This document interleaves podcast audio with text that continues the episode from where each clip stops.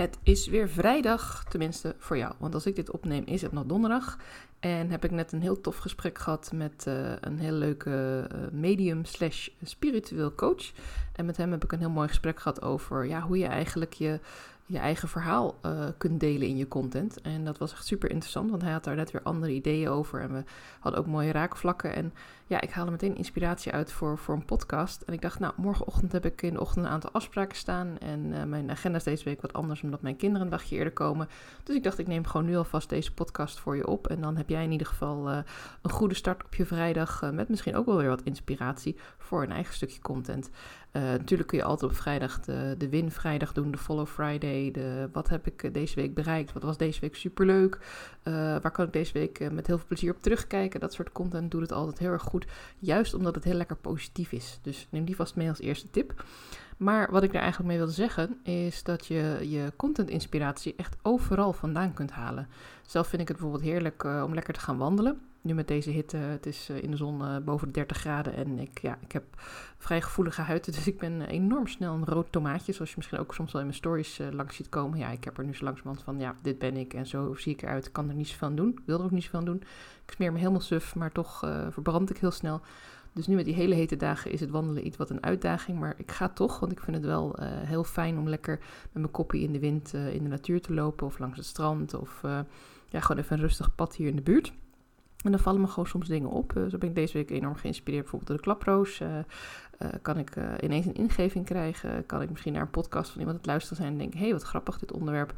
Kan ik op mijn manier ook delen? er zijn altijd wel dingen die je kan overkomen die, die leuk zijn om iets over te delen. Wat ook kan, is dat je iets wat je is overkomen wat misschien niet heel tof was... of waar je um, denkt van, hé, hey, het was eigenlijk niet echt een heel bijzonder event. Ik was in de supermarkt en we grepen allebei naar het laatste pakje, weet ik veel... Um, uh, suiker uh, of een speciale koffiemerk of zo.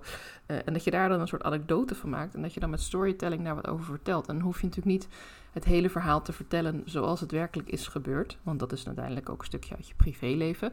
Maar je kunt er misschien wel iets over vertellen van uh, hoe het stom is om net een kans mis te grijpen. Of uh, hoe je in een discussie met iemand eigenlijk een, een friend for life hebt ontdekt. Ik weet het niet. Het hoeft ook helemaal niet heel volledig waar te zijn. Ik zou je afraden om echt te gaan liegen over dingen die je meemaakt. Maar je kan natuurlijk wel altijd een beetje opblazen. Je kan iets wat heel klein is, kun je heel groot maken. Liefst op een positieve manier. Waardoor je het juist je content uh, kunt gebruiken. En waardoor mensen zich ook geraakt voelen. Uh, om ook een meer concreet voorbeeld te geven. Het kan zijn dat je uh, een van je kinderen of een buurmeisje uh, redelijk uit haar pand ging over iets. En gewoon heel erg last had van de warmte. En daardoor het helemaal niet trok. Dat jij zei: nee, nu even geen ijsje. Misschien vanmiddag, want we gaan zo lunchen bijvoorbeeld. En dan kun je daar een hele mooie post over maken. Hoe het voor kinderen soms ontzettend lastig kan zijn om uh, zich aan te passen aan de structuur. Of uh, zich aan te passen aan, ja, mama zegt ook wel eens nee. Uh, je krijgt niet altijd wat je wil. En hoe ga je er dan mee om zonder dat er meteen een hele drama ontstaat? En, en daar kun je, weet je, dan hoef je helemaal niet specifiek te zeggen dat het om je eigen kind gaat, waardoor je geïnspireerd bent. Je kunt het ook heel algemeen houden. Bijvoorbeeld zeggen van, heb je met dit weer ook wel eens dat je kind om half één voor je neus staat en heel graag een ijsje wil.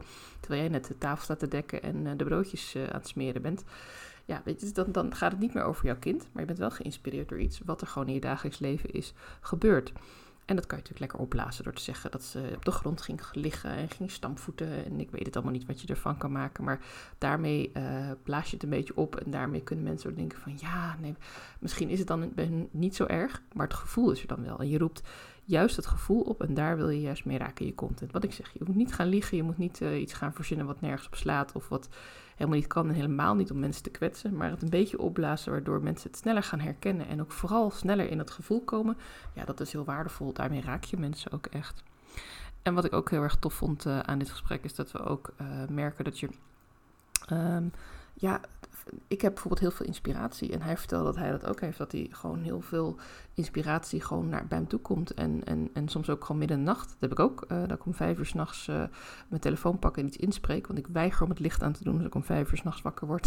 met een briljant idee of een droom of iets wat ineens... Me, of ik lig wakker en ik lig te draaien. En ineens denk ik, oh ja, ja, dat is ook tof voor een podcast. Of dat is ook het idee voor mijn aanbod. Uh, ja, dat soort dingen komen altijd op de gekste momenten. Onder de douche, op de wc, als je aan het wandelen bent, als je net lekker een serie ligt te kijken of een boek aan het lezen bent. En tijdens het gesprek kwamen we erop uit dat dat waarschijnlijk komt Omdat je dan lekker in ontspanning bent. Omdat je dan hetgene wat je dwars zit, oh ik heb geen inspiratie, ik weet het niet. Ja, dat komt dan precies op die momenten dat je denkt, ja maar nu ben ik even, hè, dan ben ik even aan het koken of ik zit even op het toilet, laat me even met rust. En wat ik je dan wil meegeven, als je toch die inspiratie uh, wel vast wil houden, en zeker als je op andere momenten gewoon een kwartier naar je beeldscherm kan zitten staren en denken, er komt niks, hallo. Schrijf het ergens op. Leg gewoon een paar van die uh, notitieboekjes overal neer of uh, gebruik een appje op je telefoon, wat je zelf prettigst vindt.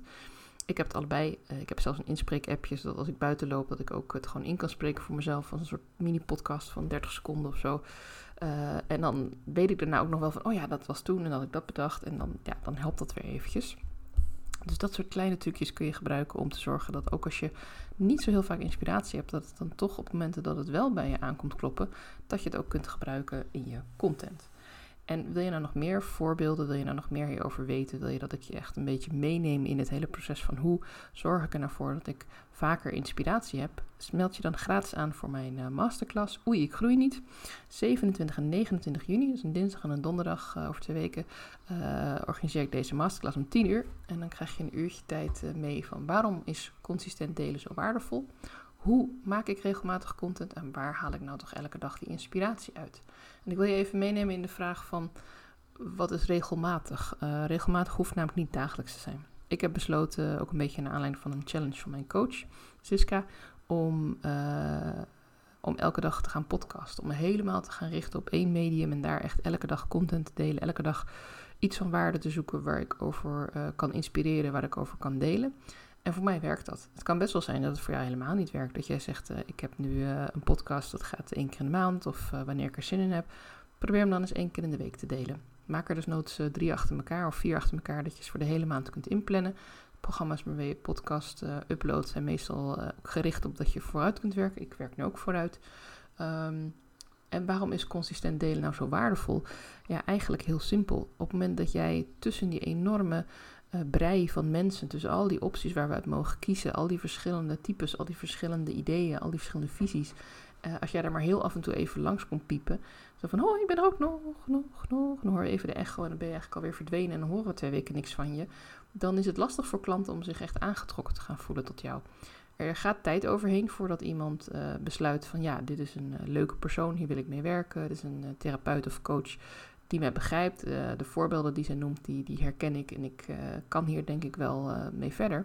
Maar dat hebben ze zelden of nooit na één of twee keer een podcast van je luisteren of één of twee stories zien. Het kan natuurlijk altijd gebeuren dat iemand denkt, ja nee, ik zit nu op dit punt in mijn leven, ik heb dit en dat nodig en jij komt precies op dat moment met het juiste aanbod. Dat kan. Dat is een hele goede gelukstreffer voor jullie beiden. En dat applaudisseer ik ook alleen maar als dat gebeurt, want hoe heerlijk is dat?